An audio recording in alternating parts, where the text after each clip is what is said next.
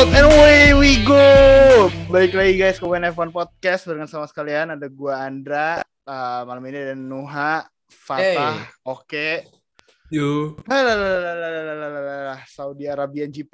Uh, ini yang nanti beberapa tahun ke depan pasti ada paket umroh uh, apa umroh plus Saudi Arabian GP. Hmm, Kalau ada mau sih gue. kalau ya ya gue juga mau sih lumayan kan. Tapi mendingan tuh nonton dulu tah, nonton dulu baru Baru umroh. nonton dulu baru umroh atau Ah, lu umroh umroh dulu dulu, lah baru nonton. umroh dulu lu doain driver favorit lu menang Nah, di depan bener. Ka'bah kan baru Bener. nonton. Bener banget.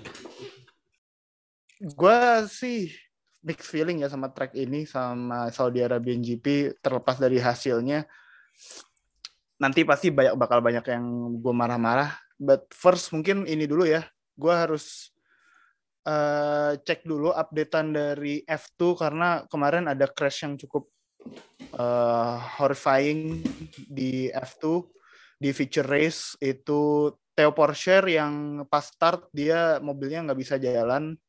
Terus tiba-tiba ditabrak dengan kecepatan tinggi dari belakang sama Enzo Fittipaldi.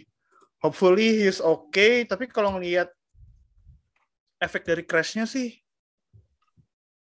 eh kemungkinan besar cedera sih ya kemungkinan besar Eh, season Enzo kan? Fittipaldi eh, katanya kalau nggak salah broken ankle. Iya, frak eh, bukan bukan ankle ini tah, Eh, fracture, fracture heel. Apa heel berarti? oh Ini. heel Heel. Ah, Tumit. Hmm. fracture. Eh, ya, I broke, Fracture I only broke my heel and got cuts and bruises. Ada di porchernya postnya. fan. Di posannya dia di IG dia matanya kayak mata kirinya biru lebam gitu. Semoga Dia- cepat uh. sembuh. berapa G anjir crashnya Eh 72.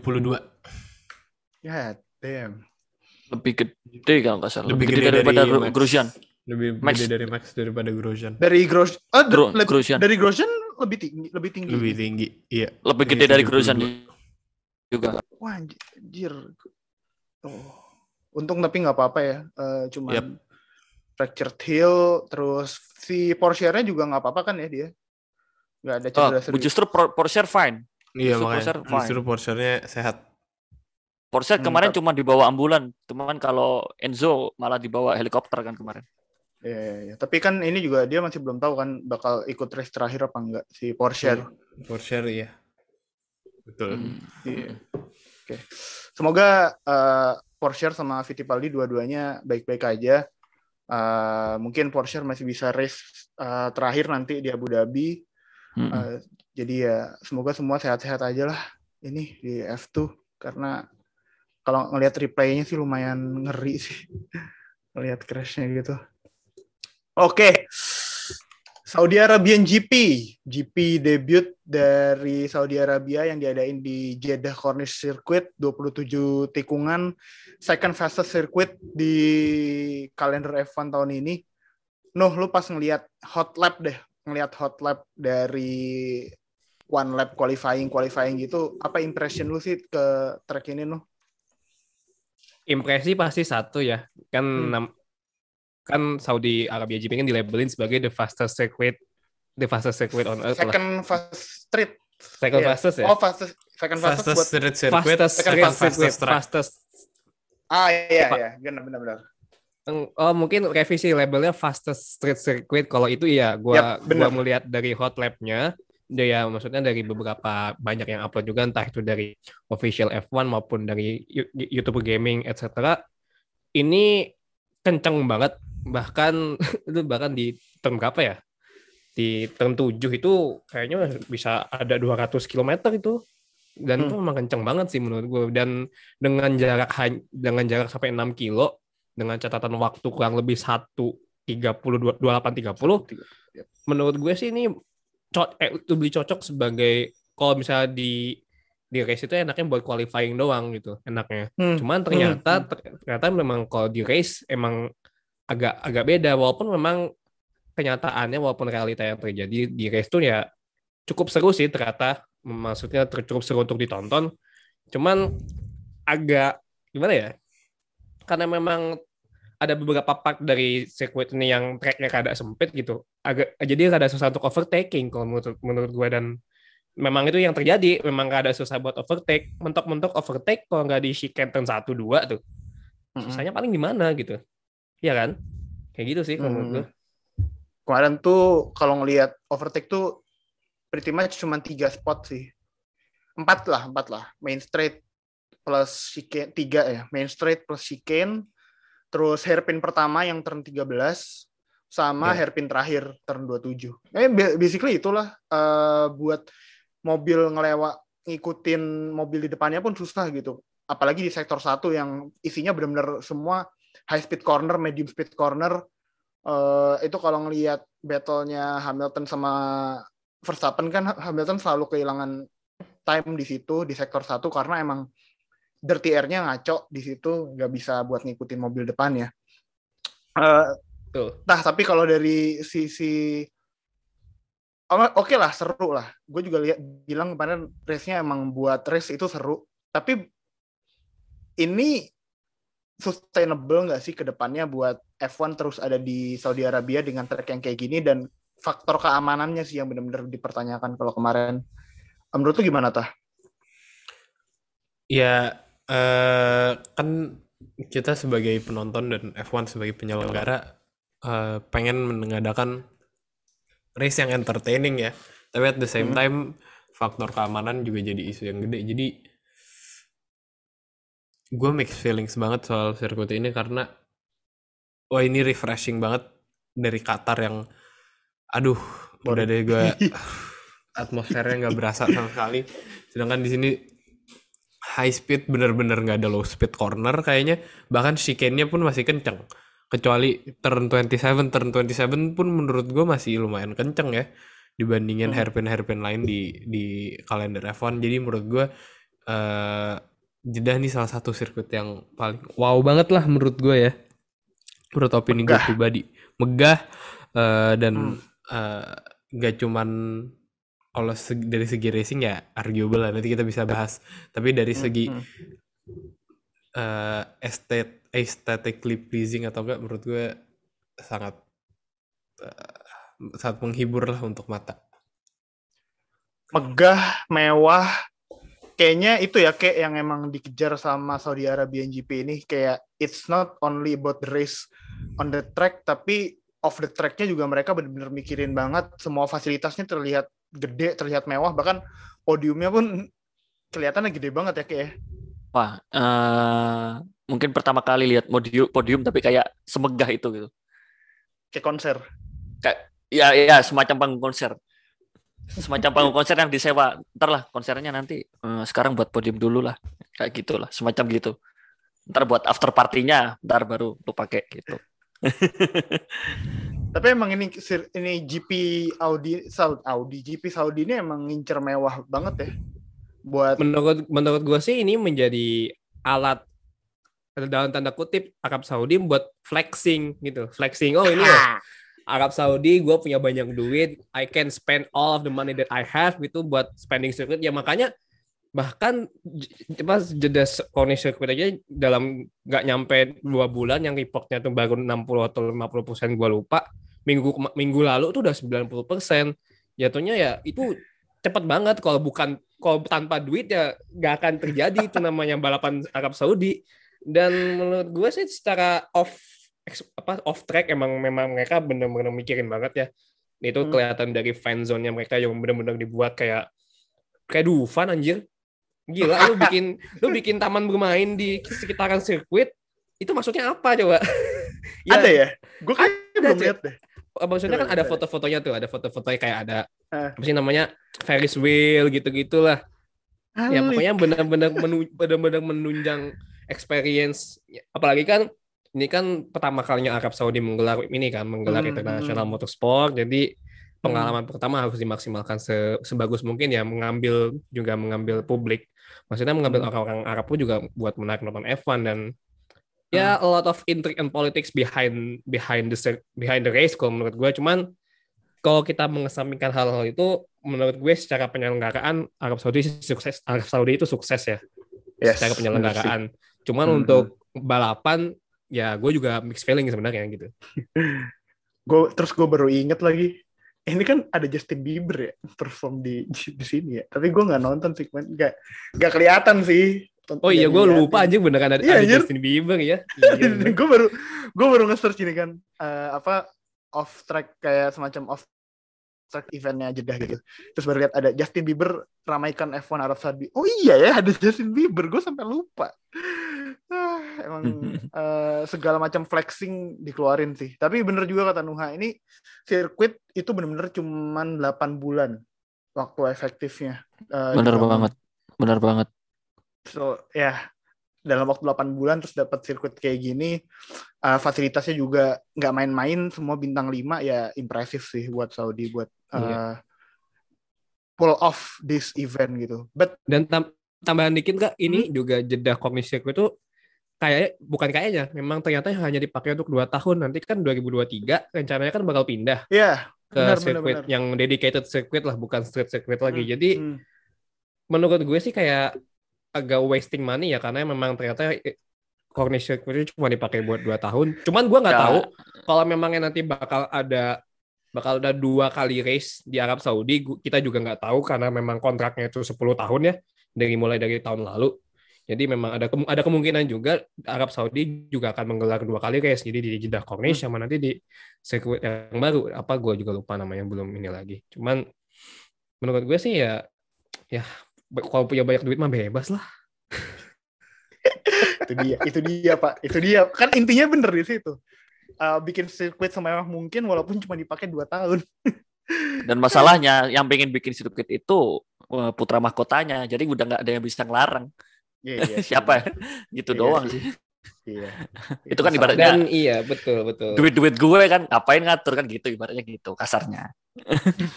Iya soalnya kan memang ini salah satu penyel apa penyelenggaraan GP Arab Saudi juga salah satu bentuk visinya Arab Saudi untuk terbuka dengan dunia luar. Yap. Ini Ya. kan termasuk dalam salah satu planningnya Saudi Vision 2030. Mm-mm. Jadi ini penyelenggaraan ini salah satu cara buat ya kalau dalam bahasanya sih diversifikasi ya, diversifikasi ketergantungan Arab sama minyak karena ya Arab Arab Saudi juga udah aware kalau misalnya minyak itu nggak akan tahan lama. Jadi gimana caranya biar income negara itu tetap bisa berlimpah salah satunya dengan menyelenggarakan F1. Yes, betul banget. Jadi emang banyak lah yang bisa diraih sama Saudi buat uh, penyelenggaraan F1 di Saudi ini dan buat penyelenggaraan pertama de- buat debutnya it is a very good uh, event. The event ya, maksudnya gue belum masuk ke race-nya. Uh, the whole event is a good one. Uh, fasilitasnya bagus, uh, fan experience-nya juga oke. But let's talk about the race uh, itself gitu. Pada nonton dari awal gak? Itu dulu deh pertanyaan gue. Gua Jam nonton 12 startnya malam. sih. Gue Oh, nonton sih startnya. startnya. Nonton startnya. Uh, Gue- what happened? gue- lu, lu nonton gak no? Jujur gua enggak karena itu jam nanggung ya. jam Iya, nanggung banget. nanggung. Jam nanggung. setengah satu karena gua harus kerja Senin pagi jadi gua nggak bisa Oh. nonton jadi gua cuma nonton highlight highlight ya walaupun memang menurut gue highlight udah cukup men- menggambarkan the whole race itself sih menurut gue ya Hmm. Hmm, hmm. Kayak lu tadi bilang uh, lu nonton startnya what happened in the start kayak. Kenapa Gua Verstappen jelek banget ya? Gue soalnya gue soalnya nggak nonton. Gue baru nonton tuh lap 16 yang mau restart uh, ini yang mau restart setelah uh, eh yang mau restart red flag kedua. Gue baru Hmm. nonton di situ. Terus saya ketiduran. Jadi gimana kayak jadi gini ya. Jadi gini ya. Tumben-tumbenan Verstappen asli jelek banget statnya. iya sih, Nah, bener, Ah. bener. aneh dan pada dan anehnya tig- dari tiga kali start cuma sekali doang yang restart terakhir yang bagus. Yang habis crashnya siapa berarti? Crashnya Crashnya Perez, Perez. crashnya Mazepin, Crashnya Perez, iya. Mazepin, Perez, Mazepin itu. bla bla bla dan Russell ya itu sih. Mm-mm. Itu itu itu start itu start bagus itu. Dia kan bi- bisa langsung ambil masuk P1. posisi satu, eh, eh, langsung ambil posisi satu kan. Hmm. Eh, gua gua sempet gak percaya ah, Verstappen gini amat. Habis itu kan di replay yang dari helikopter view tuh asli Hmm. jelek banget. Kayak mobilnya nggak bisa loncat gitu, gak kayak biasanya gitu. Apa kayak di Iya. situ yang kejadian? Apa wheel spin kah dari si Verstappen nggak- kah? nggak- Atau late ada. reaction? ya kayak semacam lihat reaction sih. Menurut gua gini ya. eh ini ini ini pribadi aja sih. Eh, Verstappen kayaknya agak kecewa gitu, masih ke bawah pikiran dia waktu kita tahu semua lah, waktu qualification Qualifying. kemarin asli lah. Itu apa? breaking moment. Ya, dia dia ungu semua loh itu. Itu itu fix pole loh sebenarnya itu. hmm, benar. Fix bisa pole itu dibilang itu dapat. fix pole itu kalau dapat. Ya Verstappen masih muda, mungkin dia masih ke bawah anjir lah, nyesel lah gitulah. Hmm. Dan mungkin ke bawah sampai race jadinya ya nggak apa ya kurang fokus mungkin dia ya. Itu sih. Yep. Eh, Verstappen kemarin main termasuk termasuk eh, performanya menurut gua. Gak semenjak semenjak crash di crash eh, crash waktu quali qualifying itu Hmm. kok kok gini-gini Eh, ya itu jelek aku gua gua kok ngerasa eh, kayak bukan Verstappen nih cara mainnya Lebih- kayak gini. Lebih hati-hati berarti. It's ya karena dia nggak mau lagi lah eh, kejadian kayak di turn terakhir kayak gitu kan. ya at least Tapi- dia lebih ganas waktu start lah at least dia Iya waktu sih, launch mobilnya itu biasanya iya. harusnya iya nggak ada nggak ada maksudnya maksudnya nggak ada kesalahan waktu kelebihan RPM atau wheel spin ya bener-bener pure late reaction sih Tapi Asli. kalau ngelihat kalau ngelihat start dari the whole field clean ya. Gue kira Clean tuh banget. bakal per turn satu tuh gue kira bakal jadi tempatnya chaos gitu ternyata pas lihat start hmm Ya clean. mobil sebanyak itu ngelewatin turn satu lumayan kagak ada yang crash kagak ada yang kenapa kenapa ya bagus deh maksudnya kan baru baru ada kejadian tuh kan Mick Schumacher tuh di turn 22 Ya. itu pas pas tempatnya Leclerc juga crash di Uh. FP2 di situ. Eh, itu turn biasalah, paling turn dua-dua turn paling angker itu Iya. banyak korban banyak korban banyak korban di situ ya. Eh F2 juga ada korban di situ ya seingat gue ya. iya ya kan. Emang eh ya baru habis itu nah ini kita masuk ke kontroversi pertama di di race ini. Tenang aja nggak bakal kehabisan kontroversi dan drama karena banyak banget di sini. Banyak banget di Eh, kali ini gila. Banyak. Ah, gue pas nontonnya tuh kayak ini emang seru tapi gue nggak mau balik ke sini lagi dengan alasan yang nanti bakal gue jelasin deh kenapa. Tah eh, kontroversi pertama Bottas Hmm. slow down di belakang eh, safety car itu biar katanya biar Mercedes bisa double stack kan, double, bisa double stack pitnya. Iya. Apa menurut lo yang terjadi di situ dan buat lo Bottas pantas dihukum gak sih karena itu? Hmm, pantas nggak pantas gue nggak tahu rule booksnya ya tapi it's Kalau kata ini ya, kalau kalau dengar dari komentator, kalau dengar dari komentator sih katanya not allowed to do that sih. Iya makanya, tapi gue nggak tahu Sengaja aturan gitu. persisnya apa gitu. Jadi Hmm. gue nggak tahu lah pantas apa enggak. Tapi menurut gue nggak nggak etis buat slow down separah itu di track di mana lo eh, street circuit, lo nempel-nempelan banget sama driver belakang lo. Ya menurut gue harusnya ngelambatnya nggak nggak segitunya lah, nggak nggak nggak perlu sampai segitunya itu udah ngeganggu soalnya buat Verstappen gitu. Jadi dan membahayakan juga. Jadi ya harusnya Bottas bisa kayak pick up the pace a bit gitu loh. Apalagi di di Jeddah di mana nggak banyak nggak banyak bagian track yang cukup lebar buat dua mobil gitu. Bahkan mau nyusul aja kayak kayak kalau lu nyelip-nyelip di jalan gitu kayak lu kalau lagi bawa mobil pengen belok kiri langsung pas lagi lampu merah kan nyelip-nyelip dikit ya itu menurut gue sama di Jeddah juga sama kayak gitu jadi menurut gue ya bisa lebih etis sih buat tas harusnya dengan slow downnya bisa lebih nggak se ekstrim itu. Itu sih. Buat konteks yang kelewatan kejadiannya, tah selambat apa sih emang Bottas?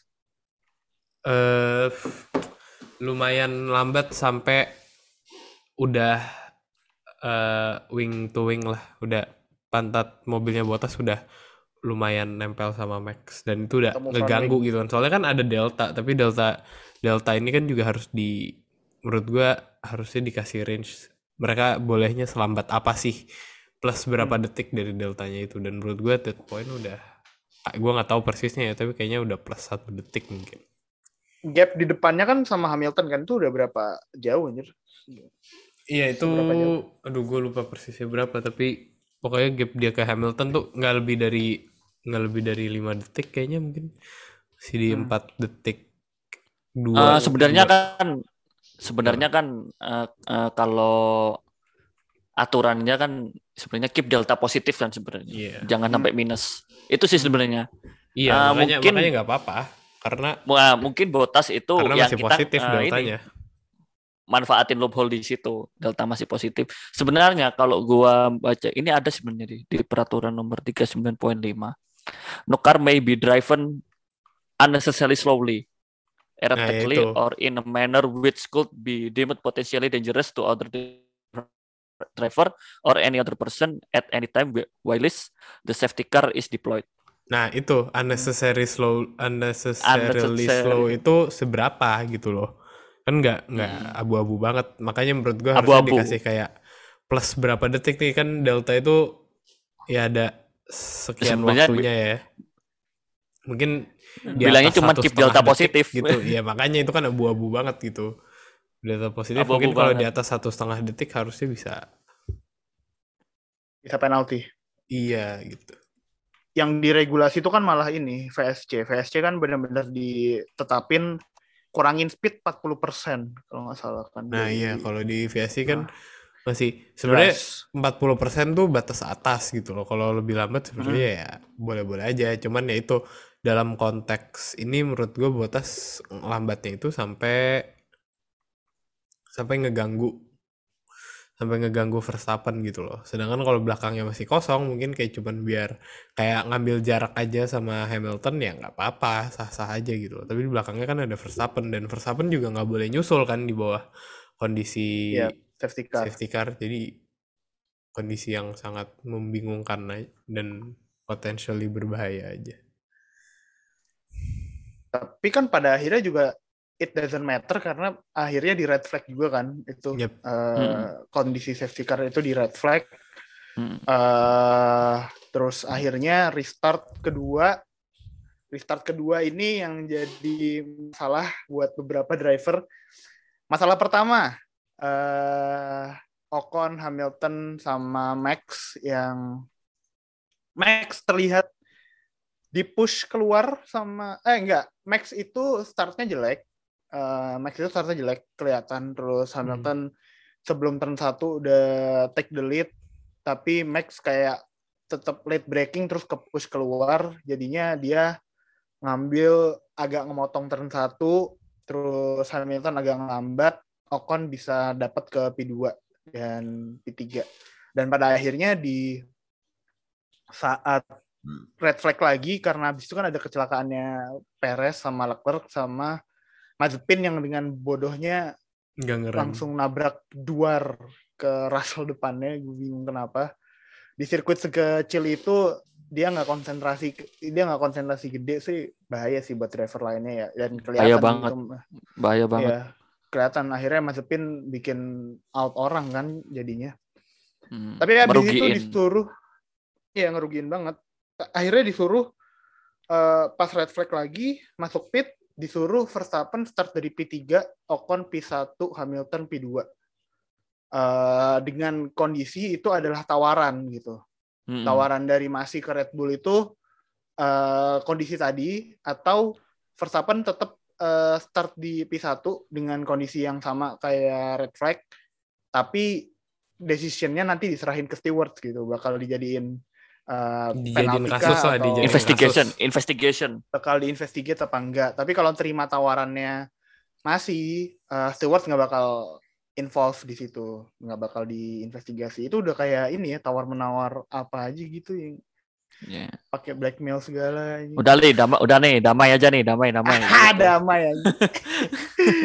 damai aja nih sama gue. gue mau ngasih ini dong. Gue gue ada take tentang barter itu tuh aneh. Aneh aja sih menurut gue karena ya mungkin mungkin konteksnya gini Michael masih mikirnya gini. Kalau itu tiba-tiba nggak di red flag alias eh, kalau itu misalnya masih dilanjutin mungkin Max bakal balikin posisinya gitu. Mikirnya mungkin gitu. Tapi buat gue dalam suatu olahraga whatever happens whatever happened happens gitu loh ya kalau udah kejadian kayak gitu menurut gue aneh buat seorang wasit dan seorang regulator untuk kayak ngasih tawaran. tawaran gitu loh. Dan itu aneh aneh banget. Kayak itu gue juga nge-tweet ini di di di Twitter F1 gue bilang ini ibaratnya kalau Ronaldo habis nge-hard tackle lawan terus wasitnya bilang lu mau minta ma eh habis terus habis di hard tackle eh ya misalnya MU ngegolin gitu, katakanlah Hmm. gitu ya. Terus em- dia itu ibaratnya wasitnya kayak ngomong ke pelatihnya MU ngomong kayak lu mau nge-concede golnya nggak? Kalau golnya di-concede Ronaldo gua kartu kuning. Kalau nggak di-concede gua kasih kartu merah. Ibaratnya kan gitu. Ya kurang lebih lah nggak sama persis. Tapi kan ini kurang lebih kayak gitu. Tapi ya aneh banget aja gitu loh. Kenapa ada aturan ini di mana race director bisa nawarin gitu kayak eh lu mau ngambil jalur tengah aja nggak? Daripada lu dirugikan dengan besar harus gitu. harusnya masih itu mutusin ini penal ini tuh penalti apa enggak? Harusnya Iya. dia tawarin harusnya yang kasih nawar tawaran itu race director yang lainnya maksudnya timnya masih Stewart stewardsnya. Menurut Ya, gue harusnya itu langsung dibawa ke stewards. Gue gue gue open open aja gue dukung Max. Tapi gue pengen ya fair fairan aja. Kompetisinya lah nggak usah nggak usah gitu gitu amat kan Max kan ngelawan FIA juga pak. Lu gimana sih? Masalahnya gini Indra kalau gue kan maksudnya gimana? Ini kan udah bukan hal teknis ya. Hmm. jadi ya males aja ngikutin jati, jati jadinya. Gue sih sebenarnya setelah tahu ada kayak itu ini apaan sih? gitu. Udah udah non teknis hal apa ini ranahnya. Udah males sebenarnya Hmm. sih gue gitu. Hmm, hmm, hmm. iya aneh. Itu salah satu momen paling aneh di race kemarin lah. Justru itu adalah ada seseri tindakan yang benar-benar nggak penting. Iya kayak Ah. ya gue juga nggak pengen Max di penalti cuman kalau emang harus di penalti ya fair fairan aja. Gitu loh dan apalagi dalam konteks itu gue nggak yakin Max mau balikin posisinya gitu loh. Kalau nggak di red flag karena dia bakal kehilangan dua posisi gitu. Depannya Hmm. Ocon apa belakangnya dia kan lang- Ocon gitu bukan bukan Hamilton. Jadi gue nggak yakin juga Max mau balikin posisinya. Tapi ini sih eh penawarannya oke lah. Udah kejadian dan entah kenapa masih nawarin bisa nawarin itu kan kayak nawarin iya itu yang jalan yang gue bingung kok Wah, boleh? Yang gue gue Oke. bingung tuh kok boleh gitu. Boleh. Ya ya kita mungkin belum lihat rulebooknya segala macam iya. Tapi eh, emang aneh gitu buat FIA eh, race director bisa nawarin hal ini. Kalau menurut gue juga harusnya sih ya eh, race tetap dilanjut race tetap di start dengan posisi yang sama kayak sebelum red flag. Dan habis itu ya udah investi stewards aja yang investigate. Eh, perlu penalti apa enggak? Kan bisa aja ini eh, karena insiden di first lap setelah restart jadi mungkin steward bakal nggak lihat no investigation needed gitu atau bakal kayak gimana lah. Pokoknya nanti semua terserah sama stewards gitu bakal kayak apa. Tapi Hmm.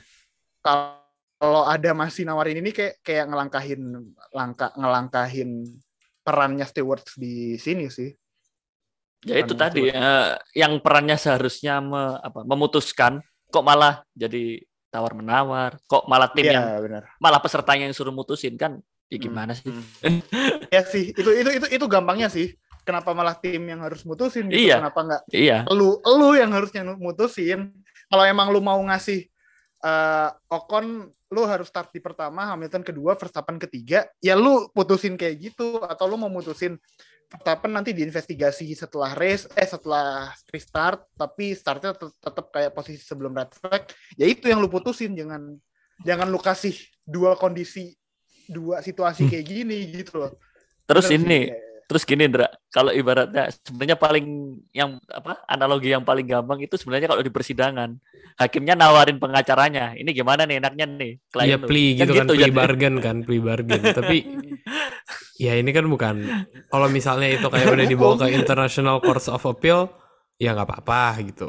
Tapi kalau ini kan masih di di dalam konteks lagi balapan gitu di tengah di tengah permainan. Jadi aneh aja. terus gunanya gitu. apa dong terus gunanya apa dong dari ada steward kok gitu putusin Iya. aja sendiri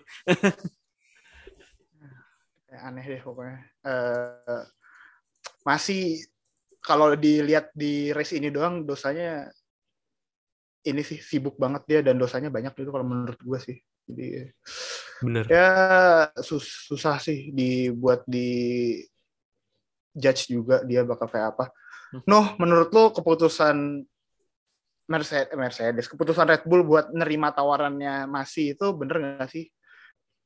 Kalau menurut gue sih melihat penalti yang dilak yang kena sama Verstappen sih menurut gue menurut gue ya itu fair sih menurut fair ya Hmm. karena apa yang dilakuin sama Verstappen di selama balapan itu menurut gue agak memang terlalu agresif dan risky kalau menurut gue. Jadi penalti yang diberikan oleh FIM menurut gue udah cukup adil, nggak nggak perlu ada kayak kontroversi bla bla bla Vivu. Cuman mungkin menurut gue kayak responnya Marco sama Horner menurut gue agak berlebihan aja di race kali ini ya. Agak Oke, sedikit berlebihan, oke. agak sedikit berlebihan walaupun karena gue ngeliatnya fair. Ya apalagi di lap 37 lah itu memang menurut gue perkara perkara nggak mau ngelewatin di AS aja sih kalau menurut gue ya. Perkara nggak mau ngelewat sama-sama apa untuk nggak mau nggak mau ini di RS gitu di, sampai Hamilton akhirnya nabrak menurut gue itu layak dapat penalti menurut gue emang mungkin agak kontra jawaban gue tapi menurut gue layak aja dapat menurut gue Verstappen layak untuk dapat penalti di race kali ini Oke, kita mau langsung mau ngomongin ke sini. Gue harus siap marah-marah dulu, tapi tah mungkin lo mau nanggepin dari Nuhan dulu tah sebelum gue tanggepin. Hmm. No comment. Ah, lu kayak pembalap aja lu no komen, udah nggak apa-apa komen aja. Kan bukan Eh, lu yang balapan ini, lu cuma nonton ini, nggak bakal lu disalahin sama orang. Yang pas ini kan lu ya pendapat. maksud lu, yang maksud lu bentar, sorry. Yang maksud yang lu maksud itu pas uh, Verstappen disuruh give up position bukan? Tadi gua agak Oh. space out. sorry. Iya ya. Iya yang itu yang itu. Ya, eh ya itu miskom. Itu simply miskom sama kayak pas Hamilton nggak ngasih lewat Mazepin pas free practice menurut gue itu sama. Ya mungkin eh dari Mercedes mereka nggak bisa dengar live radio fitnya, tapi setahu gue Verstappen udah disuruh gitu loh. Dan ya harusnya pas disuruh eh timnya ngasih tahu gitu kayak eh ini Verstappen mau give up position gitu loh tapi ya itu miskom dan menurut gue kedua driver udah mendapatkan resiko dan hukuman yang setimpal Eh, si Hamilton em, front wingnya pecah eh Verstappen bannya ada puncture kecil. Jadi ya menurut gue nggak nggak perlu penalti karena sudah di dikasih penalti oleh oleh takdir gitu. Jadi ya nggak perlu penalti sih menurut gue Penaltinya kan justru datang kan pas setelah race kan, buat yang kejadian itu ya. Buat yang kejadian itu kan penaltinya datang setelah race. Eh, dan menurut gua juga sebenarnya nggak perlu karena ini sebenarnya lagi-lagi FIA benar-benar atau dalam dalam kasus ini masih sih ya kalau gua. Ini si Verstappen udah dikasih tak dikasih tahu buat ngasih place ke Hamilton. Terus kenapa Hamilton gak dikasih tahu sama Mercedes gitu? Itu satu. Terus kedua, Hamilton sebagai racing driver juga apakah nggak aware gitu sama Hamil sama eh, Verstappen yang makin ngelambat di Hmm. apalagi di tempat yang harusnya High speed bisa high gitu. speed gitu. nah ya Wih, itu juga jadi pertanyaan gue kenapa dia nggak kenapa dia nggak nyusul Iya, itu Mungkin- itu kan harusnya dia aware, harusnya iya dia aware ada ada yang bilang itu. kayak ada yang bilang kayak eh ya itu dia itu dia kayak gitu karena dia takutnya si Verstappen eh ver- eh sorry ada viasi kan tiba-tiba ya oke lah. Tapi kan nggak ada flag dan apa-apa VSC kan gitu. ada di dashboard. ada di dashboard ada di eh, papan LED kan ada ada layar L- eh bukan papan ya apa sih bilang ya papan LED lah kurang lebih. Hmm, hmm. Eh, jadi radio ya- pasti pak, pasti radio pak. Radio, Radio- juga kan kayak ada viasi-viasi gitu kan. Jadi ya harusnya sih dia bisa langsungnya nyusul nyusul aja gitu loh. Kenapa kenapa enggak? Kenapa nggak kok? Kenapa kok malah ini ngikut buntut Verstappen kayak posisinya itu persis gitu, persis di belakangnya gitu. Nggak ambil Iya, posisi overtake. buntutin doang. kayak Gua apa juga- ya kayak lu di jalan lu, lu di jalan tol lagi nyetir gitu terus eh, nggak jaga jarak jadinya. Terus habis itu kan kayak Verstappen udah kasih ruang. Nah, ini Lewis ikutan ikutan apa? Ikutan Verstappen gitu. Nah, Iya, eh, iya, iya, ini gimana? Nggak, ya, Kan- ya mak- maksud gue gini lah. eh, tadi pertama lah, eh, Hamil posisinya Verstappen tuh udah di outside outside lane, udah melambat. Eh, sebelah inside-nya Verstappen itu udah dikasih room yang luas banget. Kalau lihat triple A itu udah luas deh buat Hamilton ngelewatin. Ya udah Tapi luas. Satu, Hamilton malah ngebuntutin Verstappen ke kanan.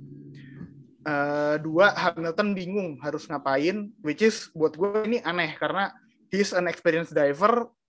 Eh, kata orang-orang dia greatest of all time, tapi kenapa di situasi kayak gini dia nggak bisa aware sama situasi yang ada di depannya. Terus ketiga, eh, ini Mercedes yang salah karena dia nggak nggak ngasih radio buat eh, ngasih tahu Hamilton ha- kalau Verstappen mau ngasih place-nya ke dia. Jadi buat gue ini harusnya penalti bukan cuman buat kalau emang di penalti ya, ini bukan buat Verstappen penaltinya, ini harusnya buat Mercedes yang nggak becus buat eh, ngasih koordinasi sama Hamilton gitu. Ini Verstappen basically cuma mau ngasih lewat eh, place-nya aja dan kalau soal masalah DRS eh, siapa yang mau ngelewatin DRS lainnya duluan itu kan sebenarnya tahu kalau nanti Hamilton udah dikasih tahu sama Mercedes dia bakal mau dikasih lewat sama Verstappen gitu. Tapi kan Mercedes kan nggak ngelakuin ini. Eh, Hamiltonnya bingung eh, gimana. Jadi penaltinya kalau buat gue salah sih. Ini harusnya malah ke timnya Mercedes bukan ke Hamiltonnya ya. Kalau buat gue ini malah ke timnya Mercedesnya sendiri sih yang nggak becus buat ngasih komunikasi ke Hamilton sih. Aneh deh FIA buat hari kemarin lagi-lagi. Nah, terus Eh, habis itu keputusannya Heeh, habis itu yang sebenarnya kalau sebelum tahu kenyataan kayak gini sebenarnya agak kesel sih waktu Hamilton habis nabrak kan dia bilang he brake tested me. Gua langsung Hmm. gua langsung gua itu langsung keinget kejadian waktu dia sama Vettel di Bahrain 2017.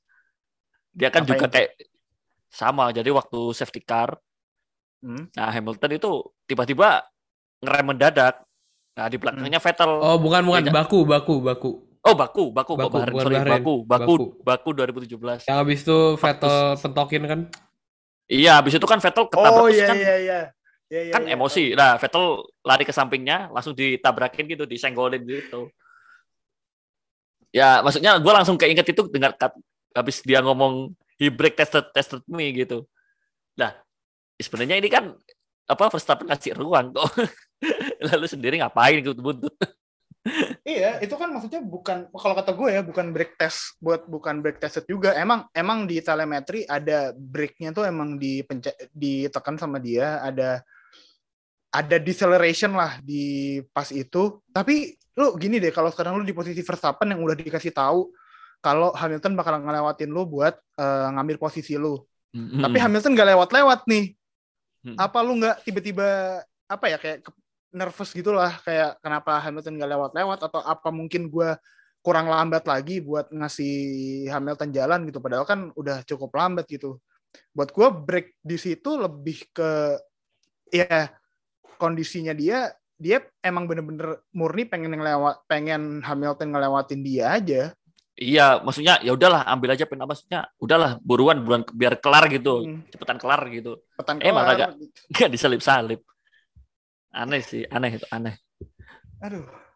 Aneh kok banget. gak kok gak maksudnya kok gak crash aja gitu kayak siapa Verstappen sama Ricciardo waktu di Baku Apa? juga kan eh Maksud lu nggak nggak sekalian nggak sekalian nggak sekalian gitu crash dengan kayak gitu kan sama aja udah Yudai Aidai Monza dong anjing Yuda Aide. Nggak sekalian gitu tapi waktu tapi eh, hal bagus dari kejadian itu ekspresi Toto sih wah priceless banget itu banting headset Ya rip apa dia nggak pernah nggak pernah semarah itu sih. Nggak Toto, pernah gue lihat ya dia ya. nggak pernah semarah itu. ya rest in peace buat headsetnya Toto ya. Eh, semoga dapat tempat terbaik di sana. tempat terbaik di pedok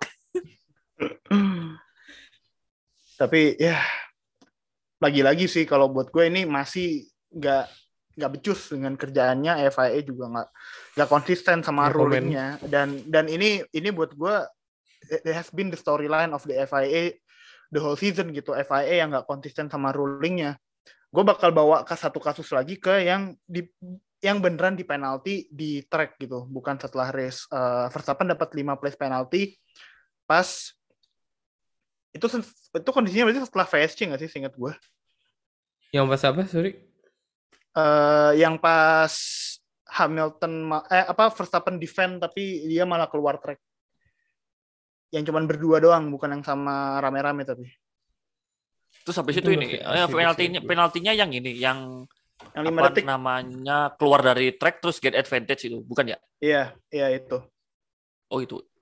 ini ini Tuh. ini buat gue oke ini ini buat gue sih oke lah penalti gitu 5 detik tapi FIA nggak konsisten lagi ini sebenarnya move-nya kalau lu lihat konteksnya dan segala macam ini sama sama yang Max lakuin di Brazil kemarin baru kema baru berapa race yang lalu gitu Eh, Max ngelakuin ini di turn 4 Wah. dia late braking terus keluar track terus pas Waktu exit defend. dari turn itu dia gain advantage gitu Eh, Mm-mm. jaraknya dia sama Hamilton lebih jauh kemarin bisa dibilang sama Eh, Hamilton bahkan posisinya di situ Hamilton belum pas di depannya Verstappen gitu. Mereka coming into turn one mereka wheel to wheel side by side buat gue jadi Ham- Verstappen late break seperti biasa eh buat ngehindarin kontak dia keluar dari track.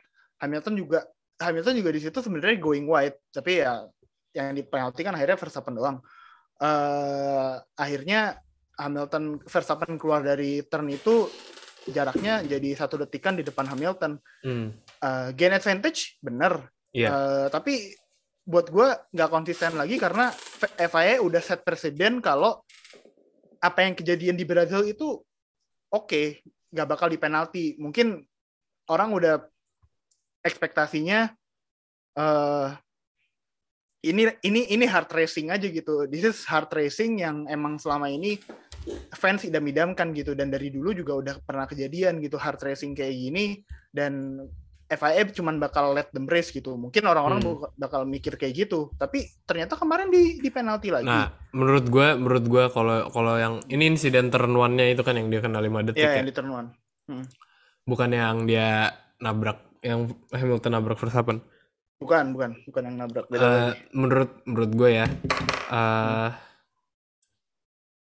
kenapa di penalti soalnya itu jatuhnya corner cutting sedangkan pas Hmm. di Brazil dia leaving track and gaining advantage-nya itu keluar ngelebar jadi dia Hmm. justru ngambil rute yang lebih jauh gitu kan untuk dapat advantage dua-duanya ada advantage-nya tapi menurut gue Hmm. corner cutting itu advantage-nya jauh lebih gede daripada karena itu lu motong jalan kan. Hmm. Eh, sedangkan kalau di kalau pas di Brazil dia ngelebar biar bisa keep up momentum kan. Nah, em, jadi ya menurut gue lebih baik eh apa itu nggak wajar aja di penalti gitu karena ya itu corner cutting menurut gue jatuhnya beda sama Hmm. di Brazil gitu. Dua-duanya ya hard racing tapi kalau misalnya Verstappen ngelebar di turn one, ngelebar di di first sequence of corner itu corner 1 2 3 itu pokoknya Hmm. itu baru dan dia nggak di penalti itu baru menurut gue ya hard racing lah masih. Tapi kalau dia motong kan dia motong di antara turn one sama 2 itu baru eh, wajar aja di penalti. Toh tapi eh, Verstappen juga got nowhere to go juga di situ Eh, dia terpaksa emang harus ngambil eh, line yang lebih gue lupa sih posisinya dia di outside sampai di inside ya di situ ya Di out di inside. dia di Jadi inside dia udah disusul, habis itu dia late braking kan. Terus Hmm. karena lock up jadinya dia oversteer. Nah, itu Hmm. ya itu resiko dia melakukan itu gitu loh. Dan resikonya apa ya kena penalti gitu. Untung Hamilton ngindar. Kalau dia nggak ngindar mungkin crash eh crash ya. Either Verstappen puncture atau Hamilton front wingnya makin parah lagi kena ya. Enggak, itu kan sebelum sebelum itu, Pak. Itu kan sebelum yang nabrak Bukan bukan iya, 37 bukan itu. bukan bukan bukan yang pas nabrak, bukan Se- emang Hmm. sebelum yang nabrak maksud gue. Tapi ya dengan dengan itu tuh maksud gue lebih parah tuh bener-bener kayak copot lah kayak Sunoda gitu. Eh, buat gue sih tetap sih ini presidennya harusnya bisa hard racing di sini.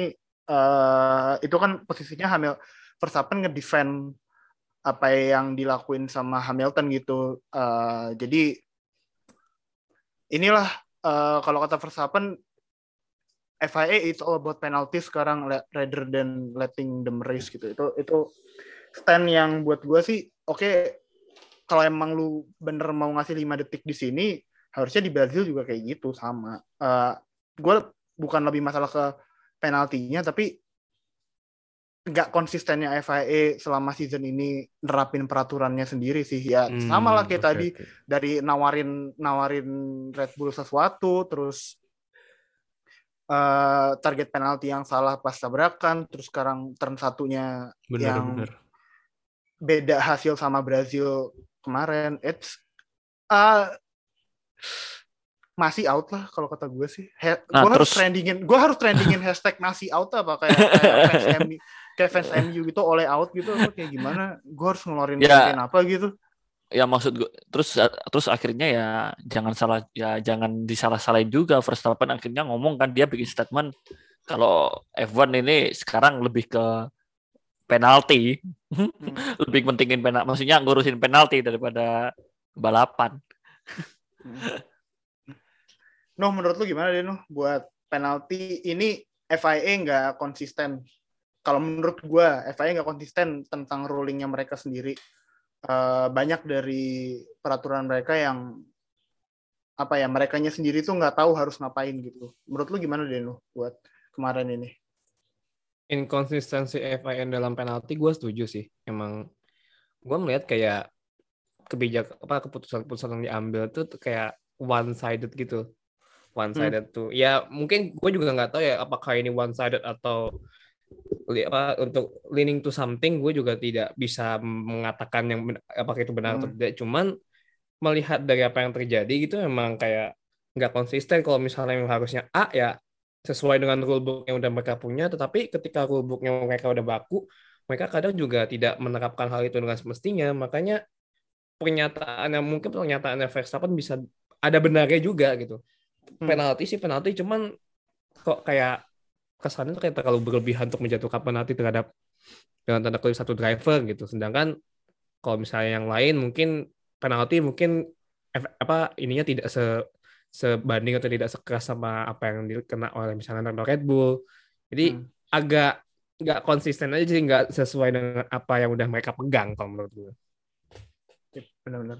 Jadi menurut kalian masih out tahun berapa nih? Ini race director tuh biasa jabatannya berapa lama sih? Gue tuh nggak pernah merhatiin deh. Gue juga nggak tahu. Ya itu sebenarnya emang lama si Charlie Whiting aja udah dari kapan? Kelly Whiting ini yang sebelum sebelum dia kan? Sebelum masih ini kan? Yep, yang yang masih gantiin. Itu berapa lama dia? Kalau Set 20 tahun or something Jadi race director? dari tahun when did- Race directornya doang gitu? it- ini bu- ini bukan gara-gara ini ya apa namanya meninggal ya Iya dia Iya, dia iya. berhenti karena meninggal. Heeh, dia berhenti Oh. gara-gara meninggal udah lama Jabat- itu Jabatan seumur hidup berarti ya?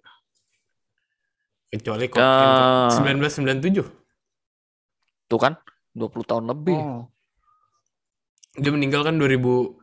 19. 19 19. 19. Hmm. Berarti kita masih bisa lihat masih 20 tahun lagi gitu. Jadi Ya jangan lu jangan doain dia meninggal dong. Enggak, bukan, bukan.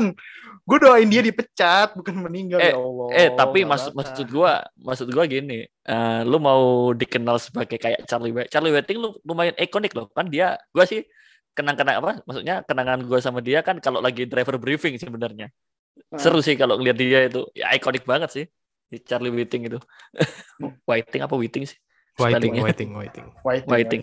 Whiting. Pronunciation Whiting. Nah kalau kalau masih kan kita udah tahu dia penuh apa kontroversial mungkin ya. Kalau kalau gitu sih. Iya sih, benar. Oke, Ya, nggak tahu sih. eh, ini ya oke lah ya udahlah nggak anggap bahas peraturan gak bakal ada habisnya. Eh, stand gue udah cukup jelas. Ini tapi stand dari gue pribadi ya. Eh, Fatah beda, Nuha beda, Oke beda. Jadi nggak mewakilin WNF the whole the whole team gitu. Ini masing-masing kita pribadi. Heartbreak moment of the race adalah ketika Ocon akhirnya kehilangan Ocon kena stroll. Ocon terkena Stroll. Cuman kalau Stroll masih turun ke P3 ini udah nggak dapat podium dah. Oh iya, Ocon tuh ke P3 ya? Eh, Stroll tuh ke P3 ya?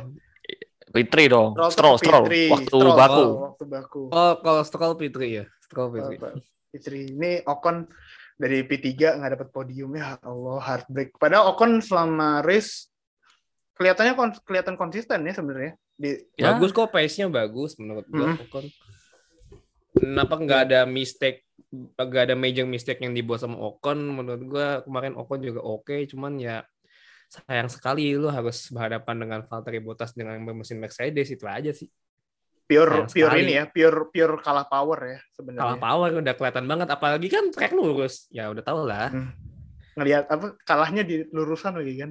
nah iya betul Ah, tapi heartbreak buat eh, Ocon dia bisa dapat podium keduanya musim ini. Harusnya di P3 tapi ya lagi-lagi. Eh, hasil dari race kemarin karena Ocon turun ke P4 jadi podiumnya template Humverbot eh, template P1 P2 P3 Hamilton dapat eh, menang ini terus dapat fastest lap juga. Verstappen walaupun dapat 10 seconds penalty dari kejadian yang eh, nabrak sama Hamilton itu, tapi dia tetap retain di P2. Lagi-lagi me- membuktikan kalau ini F1 ini sebenarnya dunianya Hamilton sama Verstappen yang lain cuma numpang. Yup, betul. Bener. yang lain cuma rental. Yang lain cuma rental ikut meramaikan posisi di Ikut F1. meramaikan. Bahkan sepanjang musim ini tuh yang sisanya yang selain Verstappen sama Hamilton yang jadi juara tuh ya cuma numpang doang kayak Ricard, kayak Ricardo, terus Ocon, Ocon, Ocon. kayak Ocon. Ocon. Bahkan even Sergio Perez pun juga dalam tanda kutip numpang doang di situ.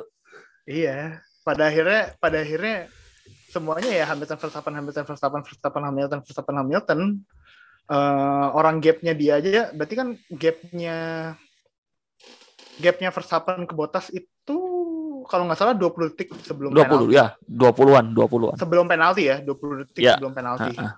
setelah penalti ya jadinya eh, cuma 10 detik nggak nggak ngaruh penalti 10 detik aja nggak ngaruh loh buat dia turun posisi jadi ya Oh, detik pun juga masih jauh nyet.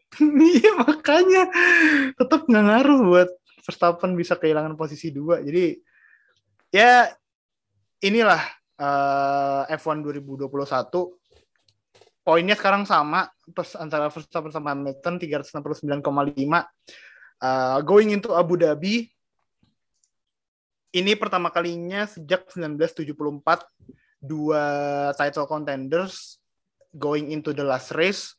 Poinnya persis sama tiga poinnya persis sama Eh, Verstappen di klasemen masih di atas karena jumlah winnya lebih banyak Verstappen 9 Betul. Hamilton 8 jadi siapa pun yang bakal menang di Abu Dhabi siapa pun yang finish di atas siapa di Abu Dhabi dia bakal otomatis jadi juara dan kalau dua-duanya DNF Verstappen bakal jadi eh, juara dunia Eh, Ndra, Ndra, tambahan dikit, Ndra. Hmm. Eh, BTW kemarin eh Sainz gain gain 7 position dari 15 ke 8 dan dia Gak bisanya Jadi- bobo Ferrari anjing eh enggak enggak, enggak. itu Tahu ya. Sempetnya Awas. ya hari ya. itu Sempet- bridgingnya sempet-sempetnya anjing tapi Bagus cuman Dia- kayak iya udah. dia ya udah enggak tapi dia sekarang jadi ini pembalap dengan raihan poin terbanyak yang nggak pernah juara nggak pernah P1 maksudnya nggak pernah ya nggak pernah juara bener Ah, oke. Nggak pernah menang race. Ah, ah, nggak pernah menang tapi dapat poin terus maksudnya poinnya yang paling gede di antara pembalap-pembalap di antara pembalap-pembalap yang belum nggak pernah menang race Oh, menarik, menarik, menarik, menarik. menarik kan Iya ya. Eh, ini nih, ini nih si Ferrari ini nggak pernah menang, tapi P3.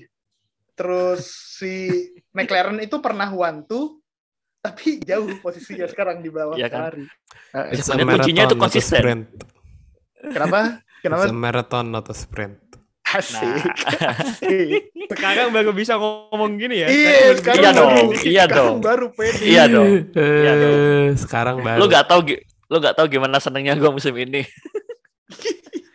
Padahal kalau dibandingin 2019 aja udah nggak bagus ya musim ini. Enggak. Tapi Ya, ya, Dibandingin lah. 2020 lah. Bandingin sama tahun sebelumnya aja. Improve. 2019 kan juga tercoreng, Tra. Eh, meskipun menang juga Iya. nggak enak. Hmm. Iya, mesinnya curang. Leclerc sama Sainz nih kalau finish barengan mulu ya. Kalau Yo, gue lihat ya. Iya. Atas bawah mulu aja. They fight for the team. Iya, siap, siap, siap, siap. Siap Ferrari. kuda. Siap kuda. Ferrari siempre, siempre, siempre. Siap Ferrari. kuda. Oke, eh, last verdict buat kalian. Should F1 back in Jeddah circuit eh, yang sekarang? Yes. Eh, at least kita lihat dulu mobil tahun depan. Sorry, lagi batuk gue. Eh, Terus, menurut gue sih lihat aja dulu mobil tahun depan kayak gimana. hmm, Kalau cocok sama Jeddah, ya kenapa enggak? Tapi kan walaupun katanya cuma sampai 2023 ya. Habis Iya, itu berikutnya katanya mereka mau bikin track baru. Tapi either way ya bisa dicoba lah buat mobil tahun depan mungkin lebih gampang overtake-nya. Gak Ya cuma inilah, crash crashan eh, doang. Yang yang vital itu bisa nggak mereka ngefollow mobil di depannya di sektor satu? Karena kan kemarin yang jadi masalah kan benar-benar sektor satu kan yang dirty air-nya ba- parah banget. Ya, tapi kan dengan sesuai klaim kan di atas kertas mobil 2021 RTR-nya lebih lebih kecil. Iya, kan se- kalau kata Mas Stefanus kan tergantung data simulasi ya nggak kayak Nah, iya iya juga. Itu tuh kan. Eh, tapi bener juga sih kan kemarin kan masih banyak pembalap yang ya namanya sirkuit dengan tembok kan errornya itu nggak boleh gede. Hmm, Margin of nggak. errornya nggak boleh gede. Lu bener-bener Hmm. kayak lu kalau di sirkuit biasa yang terbuka, ah katakanlah Bahrain, Bahrain lah. Mungkin di Hmm. Bahrain lu error mungkin bisa sampai 80 eh ya mungkin nah, 80 persen. Lu di sini nggak boleh. lu Hmm. kali cuma 40 persen paling error lu. Iya iya benar-benar benar Ya, kayak gitulah. Ya, Nggak jangan ada lupa out. tadi tadi gue lupa plug in jangan lupa dengerin interview kita sama Mas Stefanus Harus uh, di harus. episode sebelum ini. Jangan lupa Episode didengerin. spesial. Yoi, episode spesial. No, apalagi yang buat kita perlu dibilang apalagi No, Gimana? menurut lu kita perlu balik ke kita oke nggak buat balik ke Jeddah lagi? Lah kan memang masuk kalender 2022 nanti tanggal 27 Emang masuk? Maret. Emang masuk, tapi eh Maret ya? Ih, Maret cuy, Maret. Wah. Jepetin. Oh, oh. Nanti oh, 2022 keren. itu ditaruh setelah race perdana di Bahrain. Bahrain, Oh. Arab Saudi, baru Australia. Sekarang tahun depan gitu. Oh, iya iya iya. Oke, tapi pertanyaan gue tadi sebenarnya salah sih sebenarnya. Lu tetap looking forward nggak buat? Kalau Gue sangat-sangat looking forward sama Jeddah sih. Soalnya menurut gue kalau namanya perhelatan pertama mungkin oke lah. Kita masih ada mixed feeling dan apa segala macam. Soalnya memang Hmm. menurut gue apa yang terjadi on track itu sangat-sangat teknikal. Hmm. Sangat-sangat teknikal yang mungkin bagi sebagian orang kayak kurang bisa menikmati hal-hal yang begitu. Tapi kalau menurut gue sih kalau misalnya mungkin tahun depan race director-nya bener dalam tanda kutip ya race director bener Oke, oke. terus juga mobil 2022 juga akhirnya udah jadi semua gitu kan otomatis downforce-nya kan bisa lebih kebantu dan itu akan sangat menolong mobil-mobil F1 di sektor 1 yang sangat-sangat high speed dan medium corner itu gue sangat sangat excited sih. Karena memang ya kapan lagi sih ngelihat sebenarnya ini potensial untuk stealing untuk apa untuk potensial on track bakal seru tuh gede banget sebenarnya.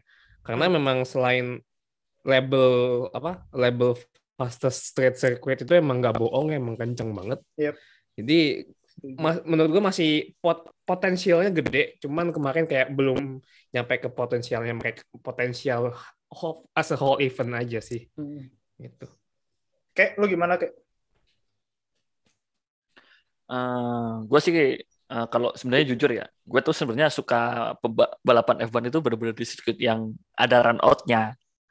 No, oke. Jadi jadi kalau jadi kalau kayak Baku terus apa namanya Rusia, sebenarnya Rusia kan juga tembok kan, run out-nya tembok, tembok. lumayan jarang. bisa dibilang lumayan jarang. Baku Monaco ya. Gue setuju kalau buat entertain. Tapi buat balapan ya gue turunin dikit ekspektasi gue apa ya? Eh, di mindset gue itu balapan itu ya bener-bener kayak harus di tempat terbuka bukan tempat terbuka sorry. Harus ada kayak ada semacam round out itu. Jadi bisa dibilang tempat itu adalah sirkuit gitu. Hmm. Kalau kalau kayak jeda gini kan apa ya? Jadi kayak lihat balapan form iya jalanan di, di jalanan ditutup ditutup kan gitu. Monaco itu jalan tutup jadi sirkuit. Ah, ah, for emang literal sih. Iya, beneran jalan jalan beneran jalan jalan jalan umum Hmm. ditutup kalau itu. ah, ah. jadi ya for entertainment wise gue setuju lah. Emang street Kalau- circuit itu nggak street circuit itu nggak pernah apa ya nggak pernah mengecewakan lah soal entertain ya. Kalau soal balapan Ya. ya street circuit sih eh gimana ya susah sih kalau mau susah sih susah susah kalau buat balapan sih kurang Dra. Hmm. gue tetap gue tetap sirkuit dengan tembok itu kurang inilah kurang kurang greget aja kalau buat balap Hmm. Oke, kalau gue sendiri, gue menikmati race kemarin, tapi tetap dengan mixed feeling kalau terlalu banyak accident yang bisa kejadian di sirkuit kayak gini. Eh, dan ke- ketika accident itu happen, pasti harus either VSC atau enggak safety car gitu. Eh, karena tracknya yang cuman sempit dan nggak ada run off areanya, ibaratnya nggak ada tempat buat eh, misal drivernya harus berhentiin mobilnya gitu tempat- tempatnya nggak ada Eh, itu hype buat race-nya tuh naik turun naik turun banget gitu. Pacing di race-nya tuh naik turun naik turun banget. Jadi ketika gue mungkin udah ngeliat aksi yang kayak oh ini bakal oke nih. Terus ini Hamilton nempel akhirnya ke Verstappen atau gimana. Tiba-tiba diganggu sama ada debris di di track. Jadinya VSC dulu. Dan menurut gue sendiri ada banyak aspek eh Marshall yang kemarin itu buat gue lumayan dipertanya gue pertanyakan eh apa ya The Marshall did a great job buat ibaratnya buat debut race-nya gitu tapi gue yakin buat race keduanya mungkin bisa lebih baik.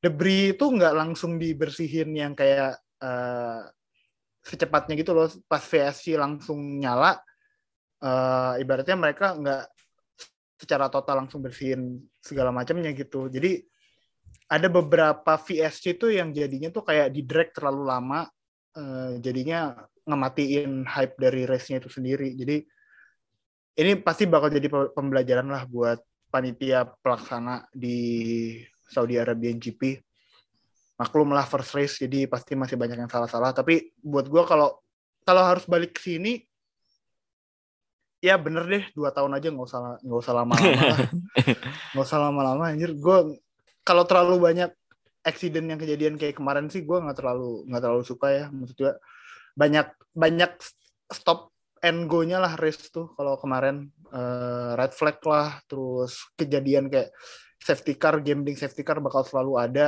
Mungkin kalau buat drama entertainmentnya iya tapi gue sendiri lebih senang kalau ya race-nya berjalan dengan lancar aja. Nggak kalau ada drama ya drama karena overtake atau karena penalti atau karena gimana? Jangan karena ada crash atau karena Insiden, insiden. gimana. Jangan insiden gitu ha, bener. Ya cukuplah dua tahun boleh lah dua tahun lagi. Eh, terus se- setelahnya ada sirkuit baru. Oke. Eh, that's all buat Saudi Arabian GP akhirnya kita minggu depan langsung minggu ini sih langsung bakal season finale Abu Final, Dhabi GP final. Final, Final. eh, Season finale. poinnya poinnya seri 369,5 eh, Verstappen sama Hamilton anything can happen kalau ngelihat eh, apa yang terjadi antara dua driver ini bahkan crash di antara keduanya tuh chance-nya bakal lebih tinggi kejadian mungkin di Abu Dhabi kalau kata gue Dan mungkin eh, akhirnya kita bisa melihat race yang juara satu adalah yang benar-benar juara. Iya nggak? Bener. Iya, iya benar. benar, benar, benar, benar, benar, benar. Siapa pun yang Tapi ya finish nggak di depan ya juara sih yang besok. Siapa yang finish di depan Hmm. juara. Ini kayak kalau main bola di lapangan tuh last goal last goal last goal Gol ganti. gitu kan ya. Iya. Iya, Jadi kalau udah gol kondisi kondisi satu-satu udah babak udah injury time. Iya. Yang ngegolin yang biasanya kalau main kalau main kalau main maghrib maghrib di lapangan sore sore di lapangan tuh bukan skor satu satu skornya berapapun tapi siapa pun yang cetak gol yang ngegolin yang menang. menang Yang, Ah, yang pasti menang. menang, Iya.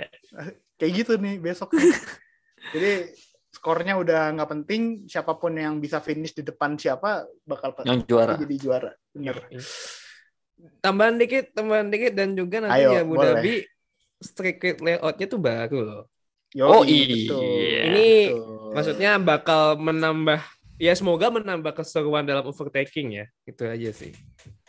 kalau gue sih lebih ini ya eh, ketidakpastiannya aja sih karena kan track layout baru jadi pasti ada yang masih ngeraba-raba kan eh, di turn-turn yang berubah jadi ya semoga bener sih nambah keseruan apa yang terjadi nanti di Abu Dhabi Eh, Soalnya kan kalau- selam Soalnya kan selama ini kalau Abu Dhabi kan yang pole yang menang. Mindsetnya Iya. udah kayak gitu. mindsetnya gitu yang pole yang menang gitu kan. Atau yang siapa pun yang di depan setelah turn satu ya itu yang bakal menang nanti jadi susah Abu Dhabi ini. Apalagi sirkuit dengan dua straight panjang ini kalau gue jadi kalau gue as fans Max Verstappen bakal khawatir sih kalau ngelihat top speednya Mercedes eh, beberapa race terakhir ya. Tapi ya anything can happen.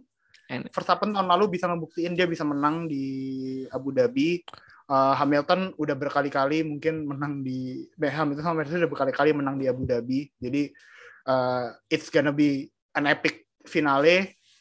Harapannya nggak ada yang cedera out of this Grand Prix di antara dua driver ini. Kalau kalau kalaupun misal terpaksa ada yang DNF ya jangan crash yang kenceng-kenceng lah atau masalah mesin lah. Jangan jangan yang jangan yang crash gede-gedean lah sampai membahayakan satu sama lain. We hope it's gonna be a clean clean fair fight sampai akhir. Mm. dan harapan juga ba- bagi gue sendiri dimenangkan sama Max Verstappen. Terus juga ini terus juga ini juga Ndra. Eh, udahlah. Eh, Red Bull terutama Horner sama Helmut Marko udah Move yang on ya. yang lalu biarlah berlalu move on. Hmm. Verstappen balikin mentalnya. Taruhannya sekarang tinggal lu juara apa enggak Ud- udah ini soalnya. Udah enggak ada ya udah enggak ada pilihan lain. Kalau mau juara ya ini saatnya. Udah sih itu doang sih. Udah nggak usah dibahas-bahas lagi. Sebenarnya kan gue sih nggak senengnya itu ya. Di- Ditarik-tarik mulu sampai ketemu race lagi. Masalah belum kelar. Untungnya untungnya jarak antara Abu Dhabi sama Arab cuman seminggu sih. Jadi harusnya nggak ada waktu buat mereka mikirin off track Heeh, heeh. drama Yes. kayak yang kemarin lagi. Jadi udah Bener waktunya banget. fokus lah. Ya, pokoknya give dan juga eh, pokoknya siapa pun yang nanti juara di Abu Dhabi itu, itu kan apa F1 kan campaignnya hashtag history waits ya.